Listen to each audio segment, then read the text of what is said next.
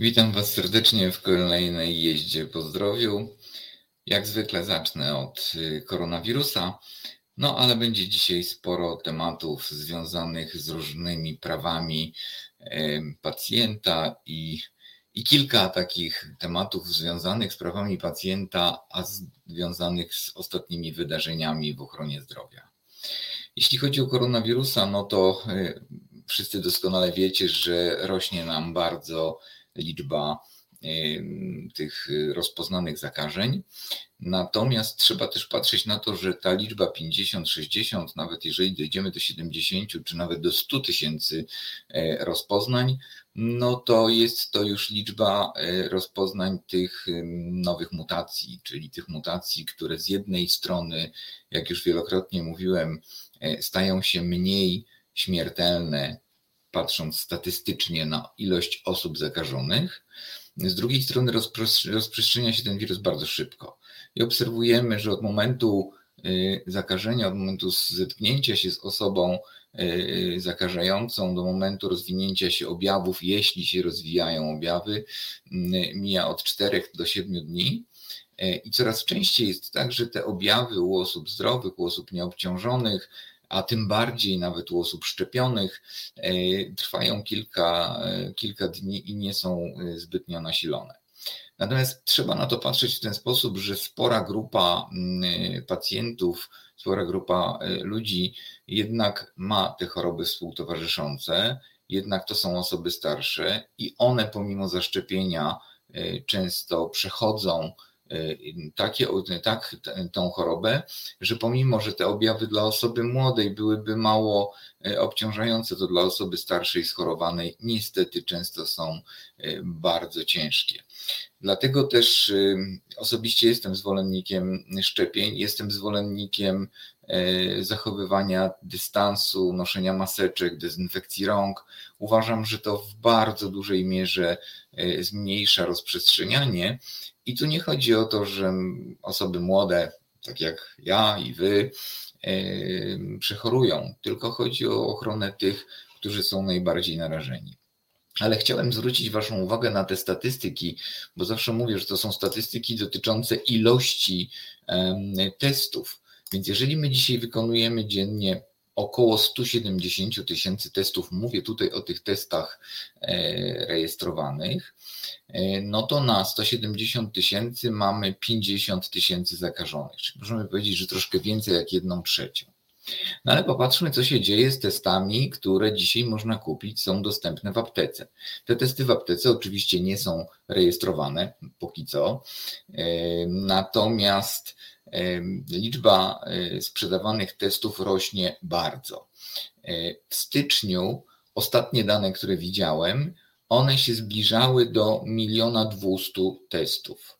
E, można domniemywać przy takim wzroście, niektórzy przewidują, że to będzie sprzedaż nawet 2 milionów testów. Więc jeżeli to jest 2 miliony testów miesięcznie, no to to wychodzi około, około 12 tysięcy osób zakażonych, gdybyśmy z tego brali sobie tą jedną trzecią, troszkę więcej jak jedną trzecią, to 12-13 tysięcy osób dziennie ma te testy pozytywne. No bo z jakiego powodu mieliby, te, mieliby mieć te testy negatywne, skoro patrzymy sobie na procent testowanych, rejestrowanych?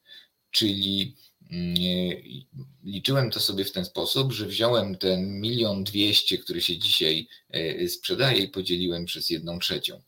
No i teraz e, w tych testach nierejestrowanych, tych w aptece, możemy bardziej domniemywać, bardziej mam, skłaniałbym się do tego, że więcej jak jedna trzecia tam będzie pozytywna, z tego powodu, że no, kto idzie po test do apteki? No ten, kto ma objawy i to objawy podobne, no i chciałby być, e, chciałby to potwierdzić, a jednocześnie nie chce wchodzić w kwarantannę.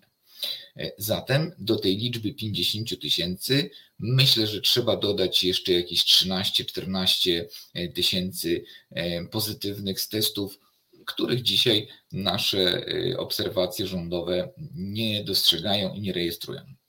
Oczywiście minister zdrowia wpadł na fantastyczny pomysł, aby te testy w aptekach były nieodpłatne, aby aptekarze przeprowadzali te y, testy. No i cóż się stało? No i stało się to, że wcale nie wszystkie apteki do tego systemu przystąpiły. W pierwszej chwili, jak odpalił pilotaż, no to 64 apteki to strasznie zawrotna ilość, jak na całą Polskę. No i oczywiście to nie zmieni podejścia tych, którzy chcą sobie kupić test i nie chcą być zarejestrowani i nie chcą być w kwarantannie. W związku z tym wiele aptek będzie sobie doskonale z tego zdawało sprawę, że spadnie im sprzedaż testów. To logiczne reguły rynku. No a zatem, jeśli spadnie im sprzedaż testów, no to może lepiej nie wchodzić w ten system, nie podpisywać umowy z Narodowym Funduszem Zdrowia czy Ministerstwem Zdrowia na bezpłatne ich stosowanie, no bo ceną tego będzie rejestrowanie. To wszystko jest jeden wielki galimatias, który tak naprawdę nie ma e, dość istotnego znaczenia, dość istotnego sensu. Dlatego, że nawet jeżeli ktoś zachoruje, czy się testował, czy się nie testował, jeżeli jego objawy będą poważne, jeżeli będzie miał duszność, spadnie mu saturacja, będzie miał wysoką gorączkę, no to logicznym jest, że trafi do szpitala, więc logicznym jest, że i tak obciąży ten nasz system. I dzisiaj patrzę na to, jak ten system jest obciążony. Jest obciążony mniej niż e, podczas pierwszej fali i mówię tutaj o systemie w części szpitalnej, w części zajęcia respiratorów, oddziałów, e, w tym, co wydzielane jest specjalnie dla COVID-u. Natomiast bardzo obciążony dzisiaj jest e, POZ, bardzo obciążone są dzisiaj wszystkie placówki te medycyny rodzinnej z tego powodu, że z każdym objawem ludzie próbują się dostać. I obserwujemy dość dużą ilość zachorowań e, takich grypopodobnych. E, zachorowań, które wcale nie są związane z, e, z COVID-em. Tak zresztą też obserwuję, obserwują inne kraje i te publikacje europejskie, które śledzę, mm, wskazują, że mamy takie pomieszanie infekcji związanych z koronawirusem i infekcji związanych z sezonowym zachorowaniem, e, tak, na takie typowe grypy, że wiele krajów zastanawia się w ogóle, czy ten, czy ten, ta selekcja, to testowanie ma aż taki sens. Oczywiście ci, którzy idą na całość, testują bardzo dużo, to ma sens, ale wszystkie rozwiązania połowiczne nie bardzo zdają e, egzamin. Natomiast, no cóż, hmm, nasz rząd od długiego czasu jest przyzwyczajony do tego, że zrzesuje różne połowiczne rozwiązania. Mamy bardzo dużo pilotaży, mamy bardzo dużo prób, no tak jak wspomniany poprzednio, jak Wam opowiadałem o pilotażu sieci onkologicznej, to pilotaż, czyli popróbujmy, prawda? spróbujmy, co będzie. E, no, ja jestem zwolennikiem jednak decyzji radykalnych. Jeśli podejmujemy męską decyzję, że leczymy pacjentów onkologicznych, to leczymy wszystkich. Jeśli podejmujemy decyzję, że zapewniamy kompleksową opiekę nad kobietami w ciąży, no to zapewniamy dla wszystkich kobiet, a nie tylko dla jakiejś części części świadczeniodawców. I to jest jeden z tematów, który chciałem poruszyć bo zapewne e, Was również poruszyła kolejna historia, mm, w której e, umiera e, matka dwoj, dwójki dzieci, bliźniaków, z tego powodu, jak się domniemuje, że lekarze bali się usunąć ciążę, no i bali się oczywiście skutków prawnych wynikających z tych całkiem niedawno wprowadzonych przepisów zaostrzających tej. Tak ustawy antyaborcyjnej. Nie dalej wcześniej mieliśmy taką sytuację na Śląsku y, również. No i komentarz był taki, że lekarze bali się podjąć działań. Ja mam do tego swój stosunek. Ja uważam, że to do końca tak nie jest. Y, wcale nie jestem zadowolony z tych przepisów antyaborcyjnych. One uważam, że nie są najlepsze. Natomiast y, w pierwszym przypadku, tym śląskim, moja ocena jest taka, na gruncie dzisiejszych przepisów jest tak, że jeżeli ciąża zagraża życiu matki, to przepisy pozwalają na to, aby tą ciążę rozwiązać. Nie tylko pozwalają, ale również nakazują ponieważ ustawa o zawodzie lekarza i lekarza dentysty jasno, wprost mówi o tym działaniu związanym z ratowaniem życia. Trzeba też patrzeć na to, tak już ślepą tym idą, że do szpitala przyjmowana jest ciężarna, kobieta w ciąży. To ona jest pacjentką. No i teraz działania, które e, podejmuje personel medyczny, nakierowane są na nią. Domniemuje, że musiało, to pewnie wyjdzie w trakcie śledztwa, musiało dojść do sytuacji, w której czegoś nie dopatrzono, nie podjęto na czas odpowiednich decyzji, a to raczej wpisywałbym w kategorię błędów, czy to po stronie placówki organizacyjnej, czy też błędów medycznych po stronie lekarzy. To pewnie wyjaśni, e, wyjaśni dochodzenie, wyjaśni śledztwo.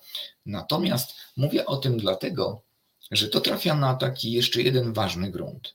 Na grunt związany z wprowadzonym całkiem niedawno takim pakietem przepisów, pakietem regulacji dotyczących opieki nad kobietą w ciąży. To tak w skrócie nazywa się KOC, czyli koordynowana opieka nad ciężarną. No i ta koordynowana opieka nad ciężarną w założeniu przepisów miała to, że ona miała zapewnić kobiecie w ciąży na każdym etapie, a tak dokładnie przed dziesiątym tygodniem ciąży miała objąć taką opieką, zapewniając na różnych etapach e, ciąży badania, dostęp do tych badań i to dostęp nie taki strasznie kolejkowy, e, zarówno badania laboratoryjne, jak i badania e, obrazowe, miała zapewnić taki schemat, taki harmonogram monitorowania, monitorowania ciąży i opieką nad kobietą i dzieckiem po porodzie. No, Narodowy Fundusz Zdrowia przyjął ten program do e, refundacji. Opisano, w którym tygodniu ciąży, jakie badania powinny być wykonane. Jak ktoś jest zainteresowany, to może sobie zobaczyć w internecie, jak skonstruowany jest ów koc. Skonstruowany jest niemalże idealnie. No po prostu perfekto. Tam e, ta opieka nad kobietą w ciąży i, i, i, nad tą ciążą rzeczywiście jest zrobiona według najnowszych, najlepszych standardów. No, tyle tylko, że jest, jak to się mówi o takim pająku, który zrobił taką pajęczynę, taką super pajęczynę, że mucha nie siada. No i tutaj zrobiono taki projekt, że niestety nie wszyscy z niego korzystają i nie wszyscy go realizują. Oczywiście zapewniono lepsze wynagrodzenie dla placówek, które to realizują. Oczywiście wskazano cały schemat działania, natomiast efekt tego jest mizerny. Po pierwsze, z tego powodu, że jednak nie pomyślano e, i nie popatrzono oczami kobiet, które zachodzą w ciąży. Wybór e, ginekologa, wybór ginekologa położnika, wybór miejsca, w którym e, kobieta będzie chciała rodzić, jest tak bardzo osobisty, subtelny i oparty jest o tak bardzo dużo rzeczy, że żaden regulator nie jest w stanie powiedzieć, do którego szpitala czy do którego lekarza lepiej, żeby kobieta poszła. Lepiej, żeby poszła do tego, do którego ona chce, u którego czuje się bezpiecznie, ale tego nie przewidziano. W związku z tym wybrano według określonych kryteriów tych, którzy do tego programu przystąpią. A co za tym idzie, program nie jest aż tak bardzo powszechny. Nie jest tak powszechny, aby każde miejsce, które wybierze sobie kobieta, e, dawało ten standard. Równolegle z tym, na szczęście, wprowadzono takie standardy okołoporodowe. One w zasadzie dotyczą tej części blisko przedporodowej, porodowej i poporodowej. Te standardy opracowane przez krajowego konsultanta i zatwierdzone i wprowadzone przez ministra zdrowia zapewniają opiekę kompleksową w tym zakresie, o którym mówię, czyli tym okresie, zakresie okołoporodowym. I co mnie tam najbardziej boli? No bo najbardziej boli mnie to, że jeżeli stawiamy sobie taki challenge i mówimy, damy opiekę bardzo dobrą diagnostyczną, damy bardzo dobrą opiekę położnych, bardzo dobrą lekarzy, damy psychologów, no to fajnie byłoby, żeby ich dać, czyli żeby ich mieć. A tutaj mamy standard i niestety wiele porodówek, wiele szpitali nie jest w stanie sprostać tym wymaganiom, tym potrzebom tego, co e, wyznacza ten standard. Dlaczego o tym mówię? Nie tylko z powodów takich, żeby Was poinformować, że prawo stoi za tymi kobietami. No bo cóż z tego, że prawo stoi? Jeśli stanie się nieszczęście, no to prawo pozwoli tylko ewentualnie wyegzekwować fakt wskazania, że oto ten szpital nie zapewnił właściwej opieki zgodnie ze standardem. I to na pewno ważne i to dlatego Wam o tym mówię, żeby podkreślić, że taki standard jest i prawo nakłada ten obowiązek realizacji świadczeń w zakresie mm, położnictwa zgodnie z nim. Natomiast to, co w tym wszystkim w dzisiejszej dobie koronawirusa przykuło moją uwagę. Ja bardzo bacznie obserwuję statystyki. Obserwuję statystyki dotyczące ilości ciąż, tych, które są w systemie widoczne, oczywiście za chwilę będą widoczne prawie wszystkie, w zakresie ilości urodzeń i tych żywych i urodzeń martwych. I przykre jest to, że COVID, ta sytuacja, którą mamy w ochronie zdrowia, ta niedostępność do koordynowanej opieki, czyli do koca, e, ta niedostępność do bieżących świadczeń, utrudnienie, jak również pewnie poniekąd totalna zmiana stylu życia, jaką mamy, skutkuje tym, że mamy bardzo dużo e, nieudanych ciąż, mamy dużo e, ciąż rozwiązywanych zgonem noworodków. Jest tego dużo, to jest bardzo duży wzrost. Mm, no i jak należałoby na to zareagować? Bo skoro ja te dane widzę, no to z całą pewnością widzi również minister zdrowia, widzi również Narodowy Fundusz Zdrowia. Spadła oczywiście ilość urodzeń, spadła ilość ciąż, ale wzrosła nam ilość tych e, niestety niepowodzeń w ciąży. I w tej sytuacji trudno jest o tym tak opowiadać, ale na pewno zrozumiecie, co mam na myśli. W takiej sytuacji taka kobieta powinna mieć zapewnioną odpowiednią pomoc. Pomoc nie tylko kliniczną, ale też i psychologiczną, bo jest to niesłychanie traumatyczne wydarzenie dla takiej kobiety.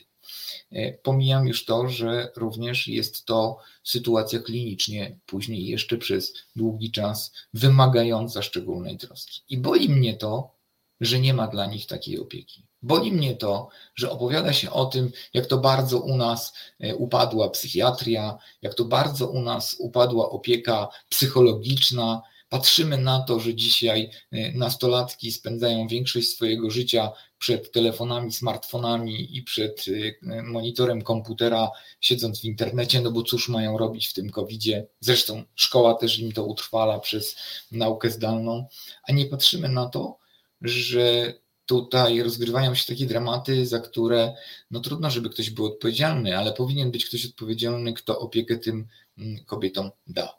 To się oczywiście wpisuje w prawa pacjenta. Tylko cóż, no któż będzie się teraz uganiał za takim właśnie prawem pacjenta w sytuacji, kiedy na wszystko mamy proste wytłumaczenie? Dlaczego się nie mogę dostać do lekarza? Bo COVID. Dlaczego nie mogę zrobić operacji planowej? Bo COVID. No ale ten COVID już nie jest tym samym, który był, który był podczas pierwszej fali. I rośnie nam taka śnieżna kula nalepiająca problemy związane z tym COVID-em i brak jest reakcji. Więc mówiąc o tym prawie do opieki nad kobietami w ciąży, do opieki nad kobietami, które, których te ciąże zakończyły się źle, um, uważam, że na całej linii spróbowano koordynowanej opieki, ona na całej linii poległa i uważam, że tak bardzo się niektórzy potrafią zakochać w swoich fantastycznych projektach, że zarobią się oderwanie od rzeczywistości i nie widzą tego, co dzieje się naprawdę. A naprawdę dzieją się rzeczy złe i one w ogóle nie są związane z COVID-em. One są związane z czyjąś ślepotą. Gorzko zakończyłem e, ten kawałek, więc może teraz realizator osłodzi nas trochę jakąś dobrą muzyką, więc zapraszam na chwilę przerwy. Znudzeni mainstreamowymi newsami? Czas na reset obywatelski. Zaangażowane dziennikarstwo. No, trochę wyluzowałem. E, moi drodzy, tak trochę mówię na temat tych praw y, pacjentów, naszych praw, bo uważam, że świadomość ich jest ważna. I dzisiaj chciałem trochę czasu temu poświęcić. Dlatego, że mm, zbliża się milowymi krokami e, taka rzeczywistość w Polsce, w której to dochodzenie swoich praw, tych praw w ochronie zdrowia, e, zaczyna być dostrzegane. Ja to widzę coraz częściej, widzę coraz większą odwagę pacjentów, ich pełnomocników, ale również widzę coraz większą świadomość pacjentów co do tego, że te prawa im się należą. Z drugiej zaś strony, pracując z lekarzami, pracując ze szpitalami, dostrzegam ogromny chaos, ogromną niewiedzę. Oni są bombardowani cały czas zmianami. Jako ciekawostkę Wam powiem, dla tych, którzy pracują na, narod, na tak zwany Narodowy Fundusz Zdrowia, czyli te placówki, które mają umowę z NFZ-em, oni mają taki swój główny katalog e, praw związanych z tym, co muszą, czyli tak zwane ogólne warunki umów. I tam fortel polega na tym, że te szpitale czy tam lecznice, poradnie mają podpisaną umowę z Narodowym Funduszem Zdrowia. Bardzo często ta umowa była podpisana ho, ho ileś tam lat temu. No i kiedy ją podpisywali, to do tej umowy było rozporządzenie zwane ogólne warunki umów, tak zwane OWU. No i teraz uczciwa gra polega na tym, że jak się na coś umawiamy, no to te warunki są niezmienne do czasu, kiedy obie strony nie postanowią, że tą umowę zmieniają w jakimś zakresie. A tutaj jest inaczej. Tutaj jest tak, że ta druga strona umowy, czyli płatnik, czyli NFZ i minister zdrowia, mogą warunki tej umowy zmieniać w dowolnym czasie. Jak się komu nie podoba, to niech ją rozwiąże. To niech od niej odstąpi. No i oczywiście to OWU zmienia się bardzo często.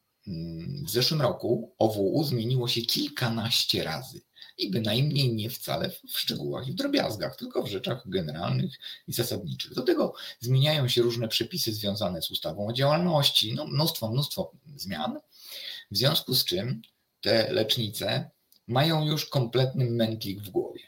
I kiedy przychodzi ktoś, kto e, domaga się realizacji swoich praw, no to ja to widzę z drugiej strony, to po drugiej stronie jest wielka obawa i nagle wszyscy próbują dojść do tego, czy ten ktoś ma rację i co im za to może grozić.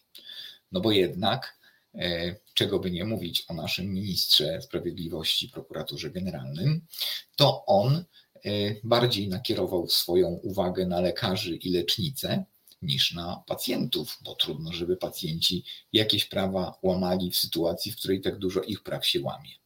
I dlatego właśnie o tych prawach chciałem parę ciekawostek powiedzieć. Wybrałem sobie kilka obszarów. Pierwsze to jest prawo do świadczeń finansowanych ze środków publicznych. Bardzo często przywołuje się konstytucyjny zapis, gdzie konstytucja mówi dość mm, wyraźnie o tym, że e, każdy ma prawo do ochrony zdrowia. Zgoda. Każdy ma prawo. Przy czym zauważcie, prawo do ochrony zdrowia oznacza, że państwo tworzy takie instrumenty, takie mechanizmy, w których mamy dostęp do placówek leczniczych. Wszystkich, i tych na NFZ, i tych na nie NFZ. Czyli tu nie mówimy na razie o odpłatności. Mówi się, że obywatelom, niezależnie od ich sytuacji materialnej, e, władze publiczne zapewniają równy dostęp do świadczeń finansowanych ze środków publicznych. Równy, ale jak za chwilę pokażę, niektórzy są równiejsi. No ale równy, to znaczy, jeżeli powiem, że wszystkim należy się niewiele, no to równo niewiele. Albowiem dalej mówi się, że warunki i zakres tych świadczeń, które są finansowane, określa ustawa o świadczeniach zdrowotnych. No i tu z tej ustawy mamy owe OWU i tu z tej ustawy mamy przywołanych szereg przepisów, co nam się należy i jak. W jakim zakresie, czy dany lek będzie nam refundowany, czy nie, czy ta operacja będzie nam refundowana, czy też nie. No i tyle mówi Konstytucja w tym zakresie, o którym mówimy co do zapewnienia dostępności do świadczeń. Zatem z jednej strony każdy ma prawo do świadczeń opieki zdrowotnej finansowanej środków publicznych, ale jaki to będzie zakres, no to oczywiście okazuje się to już w innych przepisach. No i patrząc na to dalej, to przywołanie tego prawa konstytucyjnego nie do końca jest możliwe, żeby domagać się czegoś, co w ustawie nie jest zakreślone, ale tam również w ustawie jest cały artykuł 20, który mówi o tym, że my, ubezpieczeni, mamy prawo być w kolejce, że jest kolejka. No, logiczne, jest kolejka. I w tej kolejce wszyscy równo, według równych, dobrych zasad społecznych, czekamy na udzielenie świadczenia. No ale, tak jak powiedziałem, jedni są równi, inni są równiejsi. I dobrze, że niektórzy są równiejsi, bo tam przypisuje się prawo do korzystania ze świadczeń poza kolejką określonej grupie ludzi. Do nich należą no, na przykład żołnierze e, albo pracownicy wojska, jeżeli ulegli urazom, chorobom podczas wykonywania zadań po, poza granicami państwa. Zgoda. Reprezentował nas, walczył, uległ zachorowaniu, wypadkowi, należy mu się bez kolejki. E, to samo dotyczy honorowych dawców krwi, i zasłużonych dawców przeszczepu. Uważam, że tak. Ktoś oddaje krew, jest honorowy, to nie każdy, co oddał raz, prawda, czy dwa razy. Honorowy to taki, co systematycznie, permanentnie oddaje i rzeczywiście yy, chciałbym, żeby on z mojej składki dostał się poza kolejnością. Mamy również takich inwalidów wojennych, wojskowych, kombatantów, jasne. I mamy kobiety w ciąży. I mamy kobiety w ciąży, bo tu stworzono taki, Prawo i Sprawiedliwość stworzyło taki tak zwany pakiet za życiem. W pakiecie za życiem kobieta w ciąży ma mieć świadczenia poza kolejnością. Warto podkreślić, że dotyczy to wszystkich działań placówki medycznej, czyli zarówno um, pójścia do szpitala, jak i skorzystania z poradni, jak i skorzystania z POZ-u, jak również tego, jak to kiedyś dawno było, e, na przykład wykupienia sobie leku w aptece poza kolejnością. Przysługuje jej takie prawo na podstawie zaświadczenia od lekarza. To może być dowolny lekarz. Ja sobie zawsze dworuję, że to może być e, lekarz dentysta, który jest sprawcą tej ciąży. Ważne, żeby tylko było wystawione zaświadczenie, że ona jest w ciąży. No i teraz rodzi się pytanie, jak ona ma bez kolejki, to co ona ma wejść i powiedzieć e, w rejestracji, czy stanąć na środku wszystkim, krzyczeć, jestem w ciąży, jestem w ciąży? No oczywiście, że nie. No i tu fajnie byłoby, gdyby te placówki organizowały to tak, że kiedy na przykład podchodzimy do e, automatu wydającego numerki, aby była pozycja osoby poza kolejnością uprzywilejowanej. Jeszcze fajniej byłoby, gdyby wydzielono osobne okienko dla uprzywilejowanych wiecie, miałem jakieś takie spotkanie z kombatantami i tam byli, e, tam były osoby, e, e, ofiary Holokaustu. Ludzie starsi, około dziewięćdziesiątki. Jeden z nich mi wstał i mówi, jak to mam bez kolejki? Ja już czekam sześć miesięcy na wizytę do kardiologa. No więc ja mu mówię, no to wystarczy, że pan pójdzie do takiej poradni, do takiego kardiologa, pan powie, że pan jest uprawniony, a on przerwał mi i mówi, chyba nie mam odwagi żeby pójść i powiedzieć, że jestem Żydem, że jestem ofiarą Holokaustu. Wolę poczekać. I za to poczułem się ja odpowiedzialny. I poczułem tą odpowiedzialność, bo ona nie dotyczy ministra, prezydenta, kogokolwiek innego. Dotyczy wszystkich. I wszyscy powinni wiedzieć, że jest taka grupa osób i na pewno wśród swoich bliskich też takich macie, którym trzeba pomóc, żeby ze swojego prawa skorzystali. Do tych praw, do tych osób, które mają te uprawnienia, zalicza się również dzieci z mm, chorobami, upośledzeniami, które powstały w okresie prenatalnym albo w okresie, w okresie porodu. I tu również mówimy o dzieciach z zespołem Downa, mówimy o dzieciach z różnymi schorzeniami, wadami wrodzonymi, nieuleczonymi chorobami, które e, mają prawo korzystać ze świadczeń bez kolejki. Co to znaczy bez kolejki? To znaczy, że w dniu, kiedy się zgłasza to musi to świadczenie uzyskać. To prawo jest bardzo często łamane i bardzo często też e, przemilczane. Nikt nie staje w obronie tych ludzi, a przede wszystkim nie stają lecznice. Tam, gdzie mogę, e, tam głośno nawołuję do tego, żeby ludzie wprowadzili takie rozwiązania. No ale tak jak mówiłem o tych równiejszych, to są tacy równiejsi, co nie mam przekonania. Pomimo, że bardzo szanuję wszystkich działaczy opozycji antykomunistycznej szanuję, bo jestem z tych czasów, który, w których jeszcze pamiętam komunę. To nie uważam, aby za fakt, że było się działaczem opozycji antykomunistycznej, należało mieć uprawnienie korzystania ze świadczeń poza kolejką. No nie uważam. Uważam, że dzisiaj jesteśmy w takiej sytuacji, gdzie e, chore dzieci, osoby niepełnosprawne, e, kobiety w ciąży powinny być poza kolejnością e, i nikt nie powinien wchodzić przed nimi. No a tutaj wprowadza się przepis, w którym właśnie ci, którzy e, walczyli z komuną, e, mają takie uprawnienie i dostają nawet specjalną legitymację. Kiedy już jesteśmy przed obliczem medyka, lekarza, to tenże bardzo często, e, najczęściej daje jakieś orzeczenie lekarskie. Spotykamy się z orzeczeniem lekarskim w różnych sytuacjach. W sytuacji, kiedy po diagnostyce, po jakichś tam czynnościach e, lekarz orzeka, należy zrobić to i to, ale z orzeczeniem lekarskim i z prawem do e, sprzeciwu przeciwko niemu i łączącym się z tym prawem do zwołania do dodatkowego konsylium, e, zetknęło się ostatnio wiele osób, które wpadły w tak zwaną pułapkę, pułapkę orzeczniczą. Mianowicie, no wyobraźcie sobie, że ktoś trafia do lekarza, no przyjeżdża sobie swoim samochodem do lekarza, lekarz bada go i mówi: O, proszę pana, pan ma bardzo słaby wzrok, albo stwierdza u niego padaczkę. To są schorzenia, które uniemożliwiają, tak czysto teoretycznie, prowadzenie samochodu. Takie orzeczenie skutkuje powiadomieniem e, o konieczności zatrzymania prawa jazdy do czasu przeprowadzenia badań i innych innych rzeczy. No i ktoś może czuć się świetnie, być dobrze leczonym, prowadzonym, mieć świetne zaopatrzenie w okulary, ale wpada w taką pułapkę i idzie informacja, że należy mu zabrać prawo jazdy. I tu działa prawo sprzeciwu. I niestety jesteśmy też zmuszeni w takiej sytuacji do złożenia takiego sprzeciwu i zwołania dodatkowego mm, konsylium. Ten sprzeciw może dotyczyć również tego, że lekarz proponuje nam jakieś leczenie, a my nie do końca się zgadzamy z jego diagnozą, chcemy zasięgnąć opinii innych. I tu chcę Wam powiedzieć, że prawo to reguluje. Prawo mówi, że mamy możliwość e, po pierwsze sprzeciwienia się tej e, lekar lekarskiej opinii, po drugie oczywiście na każde leczenie my musimy wyrazić zgodę.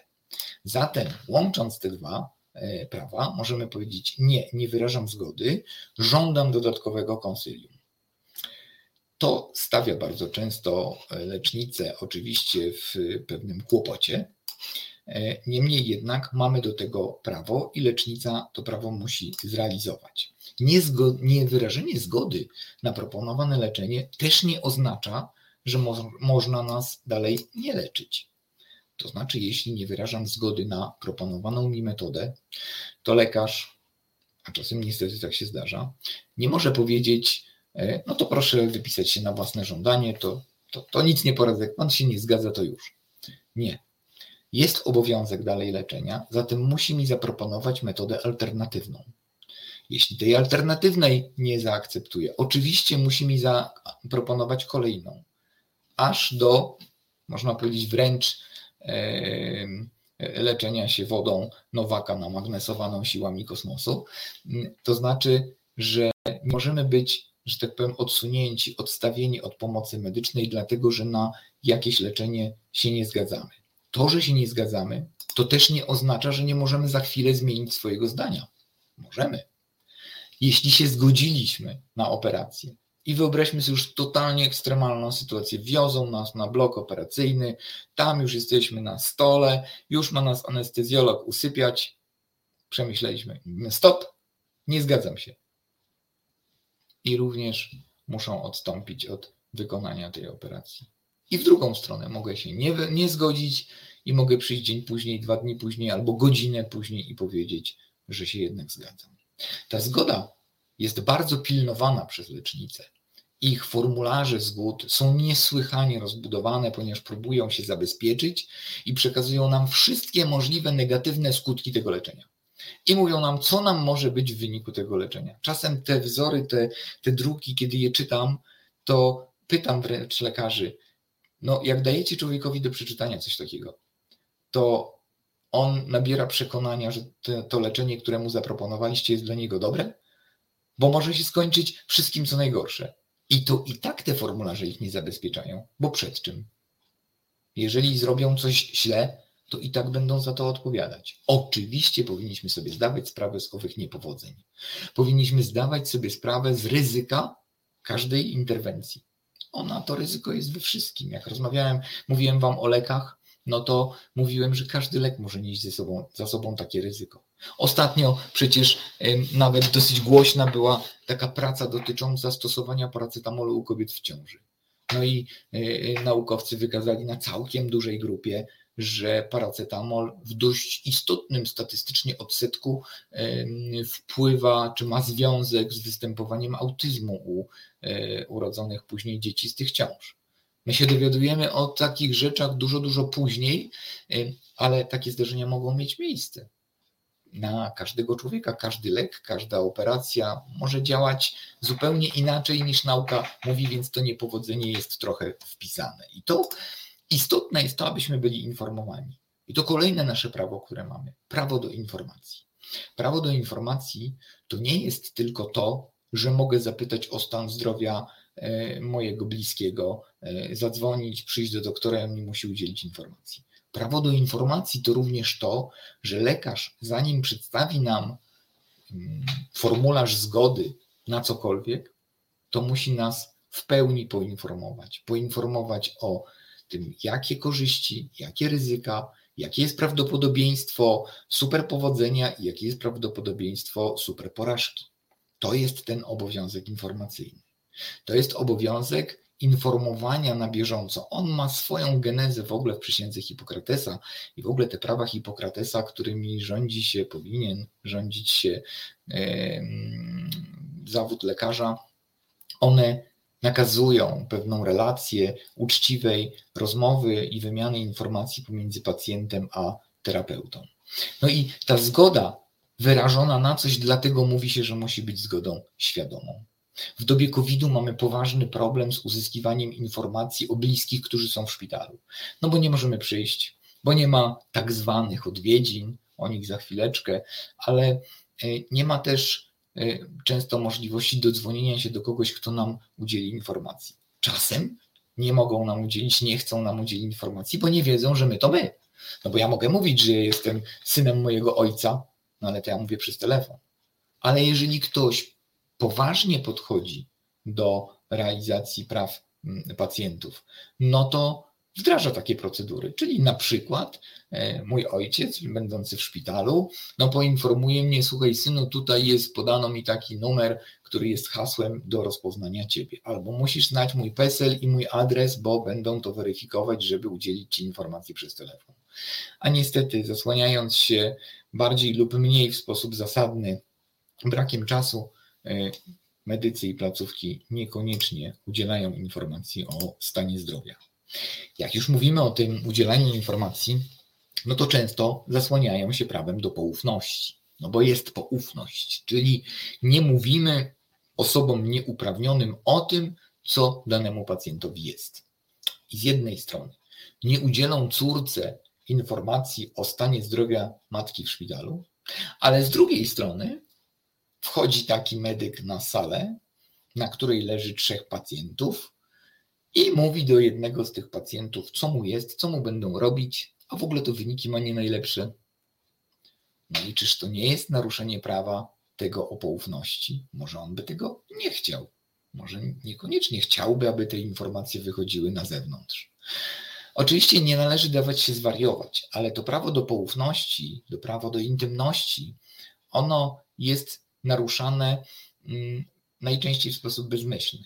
Teraz już placówki zaczęły się tego uczyć. Na przykład wywoływanie do poradni, kiedy pani wyściubia głowę z gabinetu, to już nie krzyczy pan Kowalski do kolonoskopii, proszę, tylko raczej woła pan Jan albo pan Stanisław, albo posługują się e, numerami.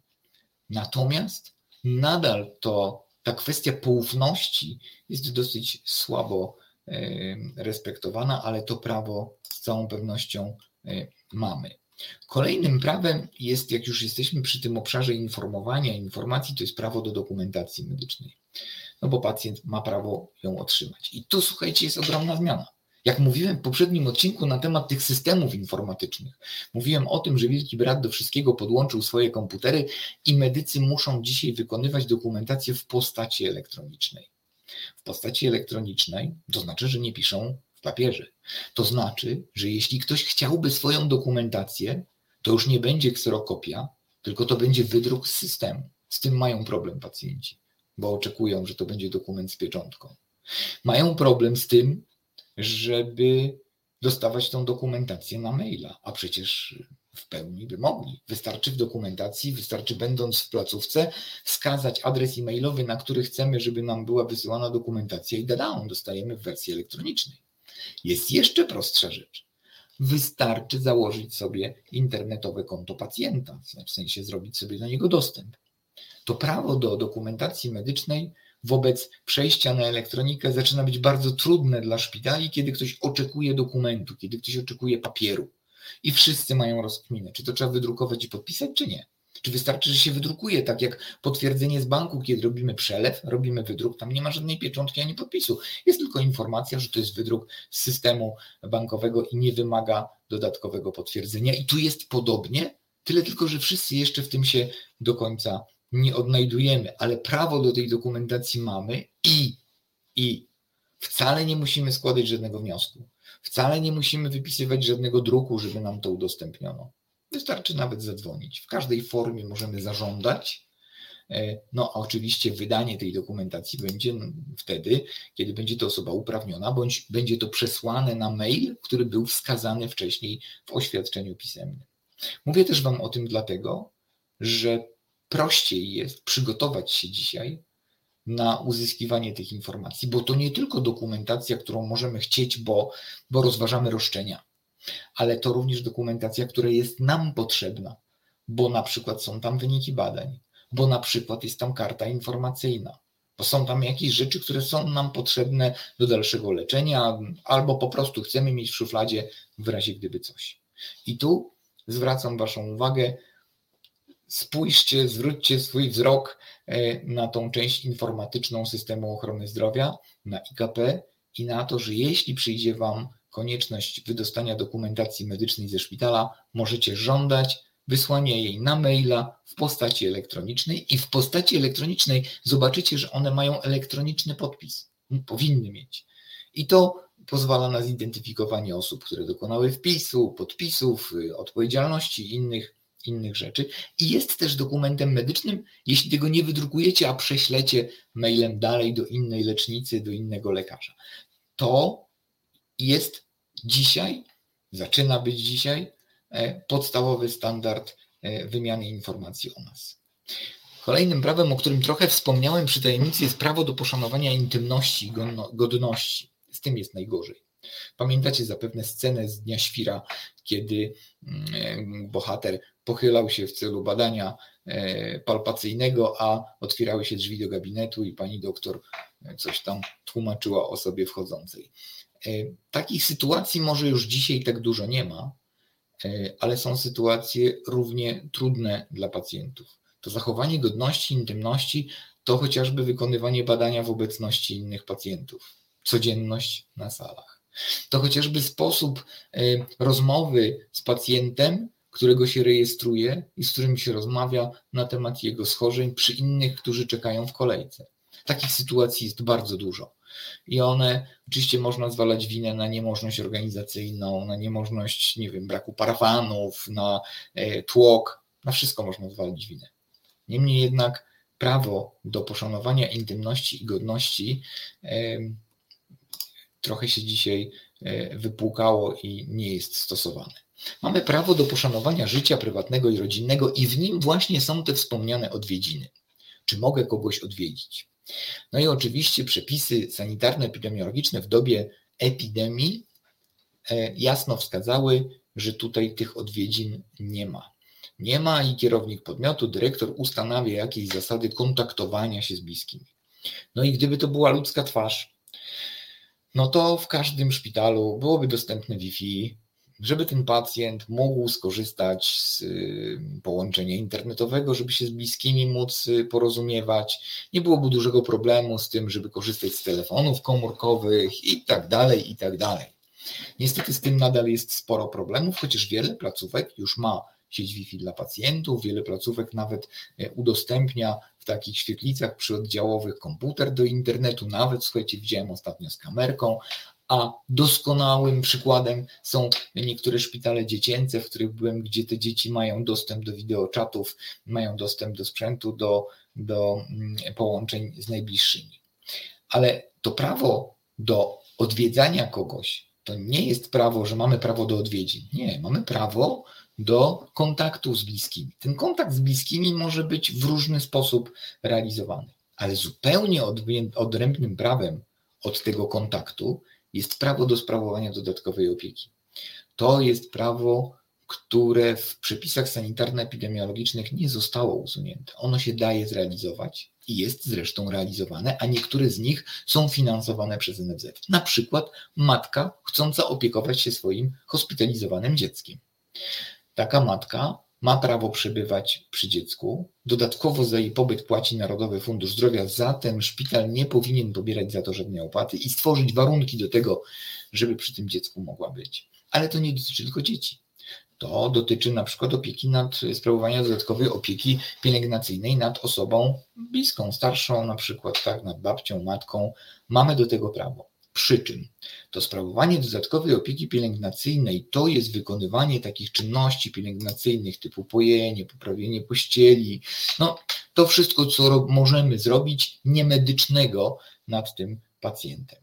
I tu musimy niestety albo stety wpisać się, respektować prawa tej placówki i tam placówka powinna nam jasno określić, Jakie wymagania musimy spełnić? To będą wymagania związane z maseczką, związane z przemieszczaniem się w tym oddziale, prawem do mm, bycia w określonych godzinach, e, prawem do korzystania z mm, infrastruktury tego oddziału. Z całą pewnością prawa do sprawowania dodatkowej opieki nie może nam placówka odmówić. Oczywiście z wyjątkiem takich sytuacji, w których nasza dodatkowa opieka utrudniałaby czynności medyczne. No, wyobraźmy sobie oddział e, anestezjologii intensywnej terapii, czyli popularnie zwany OJOM, e, no tam byłoby to raczej trudne. I tutaj decyzję w jakichś skrajnych przypadkach ordynator takiego oddziału może podjąć pozytywną, ale co do zasady przepis mówi, jeśli to nie utrudnia czynności medycznych. Z drugiej ze strony, ta nasza e, opieka pielęgnacyjna odciąża personel, pomaga personelowi więc jeśli chcemy skorzystać i chcemy wesprzeć osobę bliską, to po pierwsze musimy e, się dostosować do e, przepisów, czyli dostosować się do tego, co placówka e, wdraża, a po drugie musimy zdawać sobie sprawę z tego, że to nie są odwiedziny, że tu wypełniamy określoną rolę, określoną funkcję i o taką możliwość powinniśmy wnioskować. Kolejną rzeczą, o której dość często się mówi, to jest, dość, dość, dość, często się mówi dość ostro, to jest to prawo do opieki duszpasterskiej. Hmm. Wiecie, to jest tak, ja nie podchodzę do tego ateistycznie, ale jeżeli mówimy o duszpasterzu, to już nakierowujemy się na określoną grupę wyznaniową. No a to prawo to jest prawo łączące się z prawem do swobodnego wyzna wyznania i uszanowania yy, wiary danego pacjenta. W każdym szpitalu mamy, prawie każdym szpitalu mamy zatrudnionych kapelanów, którzy z tą swoją posługą pojawiają się u wszystkich pacjentów. Oni na ogół są bardzo wyważeni delikatnie pytają, czy ktoś potrzebuje. Jak potrzebuje, są pełni poświęcenia. Nie mam co do nich najmniejszego zastrzeżenia, natomiast prawo wydaje mi się już bardzo atawistyczne i skutkujące też tym, że mieliśmy przypadki, w którym pacjent umierający, nieprzytomny, dostawał posługę duszpasterską, a wcale nie był wyznawcą e, tej wiary. No i zdarzył się taki przypadek, mówię o tym, który znam, bodajże w Szczecinie, kiedy pacjent był w stanie bardzo ciężkim, e, dostał posługę duszpasterską. No i jak to pacjent jest nieprzewidywalny, poczuł się lepiej i uzdrowiał. Po czym w swojej dokumentacji po wyjściu ze szpitala przeczytał, że miał posługę duszpasterską, a ta posługa łamała jego zasady e, e, wiary. Złożył oczywiście skargę. No, szpital go przeprosił. Nie stało się tu nic jakby takiego zagrażającego jego życiu. To nie w tych kategoriach rozważamy, tylko patrzymy na to, jak to prawo do opieki duszpasterskiej jest dzisiaj realizowane. Jest realizowane w jednym kierunku. Natomiast wyznawcy innych wiar, innych wyznań e, nie mają równych szans, równych możliwości, ale mają takie prawo i teoretycznie mogliby się tego domagać. Skoro mówię o trudnych chwilach, to również mamy prawo do umierania w spokoju i godności. Umieranie w spokoju i godności jest w tych sytuacjach trudne, bo w spokoju to rozumiem, że byłaby możliwość takiego wydzielenia miejsca, sali, w której nie dzieją się inne rzeczy godności to nie tylko to, że dookoła nie odbywa się żadna impreza, ale godności e, takiej chociażby, że w tym momencie są bliscy, że jest możliwość, żeby byli bliscy. No wszystko to, co w tym najtrudniejszym momencie dla człowieka i dla jego bliskich jest ważne. I wcale nie COVID nam to popsuł. to zawsze było trudne do zorganizowania, chociaż muszę tutaj wysoce dalece pochwalić placówki, które potrafią to zrobić. I, I widuję takie placówki, w których rzeczywiście potrafią to zorganizować. Najgorzej niestety jest w placówkach, w których występuje to najczęściej, czyli ZOLE, czyli zakłady opiekuńczo-lecznicze. Lepiej jest w hospicjach. Miałem takie przypadki, takie sygnały, dlatego nad tym ubolewam, że to prawo nie jest we właściwy sposób realizowane, ale je mamy. I na koniec chciałem powiedzieć o jeszcze jednej rzeczy. Zmieniło się prawo dotyczące medyków. Mianowicie wprowadzono taki przepis dotyczący ochrony lekarza i osób mu przysposobionych do wykonywania świadczeń, które mówi o tym, że daje się im ochronę należną funkcjonariuszowi publicznemu. Czyli nie są medycy funkcjonariuszami publicznymi, ale mają prawo do takiej ochrony. Co oznacza, że nie wolno takiej osoby znieważać, nie wolno naruszyć jej nietykalności cielesnej, e, nie wolno publicznie znieważać takich osób. Zobaczcie, ile hejtu, ile złych e, rzeczy jest dzisiaj wylewanych na medyków. E, I teraz no, prawo mówi jasno, że jest za to konsekwencja taka sama, jak za naruszenie nietykalności cielesnej lub znieważenie funkcjonariusza. Przypominam, że za znieważenie jest pozbawienie wolności do roku, e, natomiast y, za naruszenie nietykalności cielesnej do, mm, e, do pięciu lat. I widzę, że placówki coraz częściej zwracają na to uwagę, wywieszają taką dużą tabliczkę, że placówka ma monitoring, że kierownik placówki będzie zgłaszał e, tego typu przypadki. To jest efekt niestety tego, że pacjenci są coraz bardziej poddenerwowani, coraz bardziej zdesperowani, e, no i swoje frustracje i swoje nerwy bardzo często wylewają na medykach. I mówiąc o tym prawie, nie tyle jest to prawo pacjentów, co prawo e, medyków, ale z drugiej strony jest to jakiś tam nasz obowiązek, a przy tych prawach, naszych obowiązkach, chociażby ochrony tych słabszych, osób niepełnosprawnych, kobiet w ciąży, no to chyba trzeba byłoby patrzeć na całą rzeczywistość prawną, w której ci medycy też tę ochronę mają, może i słusznie, bo mamy ich w systemie publicznym coraz mniej. Dodam tylko, że wszystkie prawa, które Wam dzisiaj wymieniłem, wymieniłem ich tylko kilka, te, które uznałem za takie najważniejsze, one dotyczą nie tylko tego, co na NFZ, one dotyczą również lecznic prywatnych. One dotyczą również miejsc, w których korzystamy ze świadczeń za pieniądze. Takie retoryczne pytanie, czy ktoś kiedyś widział swoją dokumentację medyczną e, z placówki prywatnej? Mam tutaj na myśli na przykład gabinet prywatny jakiegoś doktora. Często jej tam nie ma. Często jest tam coś pobieżnie zapisane, nic więcej. E, ale popatrzcie, jak prawa pacjentów są respektowane w placówkach prywatnych. Bardziej. Dlaczego? Bo placówka prywatna bardziej się boi. Jej e, wytoczenie procesu, skargi, doniesienie do Rzecznika Praw Pacjenta skończy się gorzej niż e, placówce publicznej. W placówce publicznej będą wszyscy patrzyli na to, żeby się to rozeszło po kościach, bo przecież ta placówka jest nam potrzebna.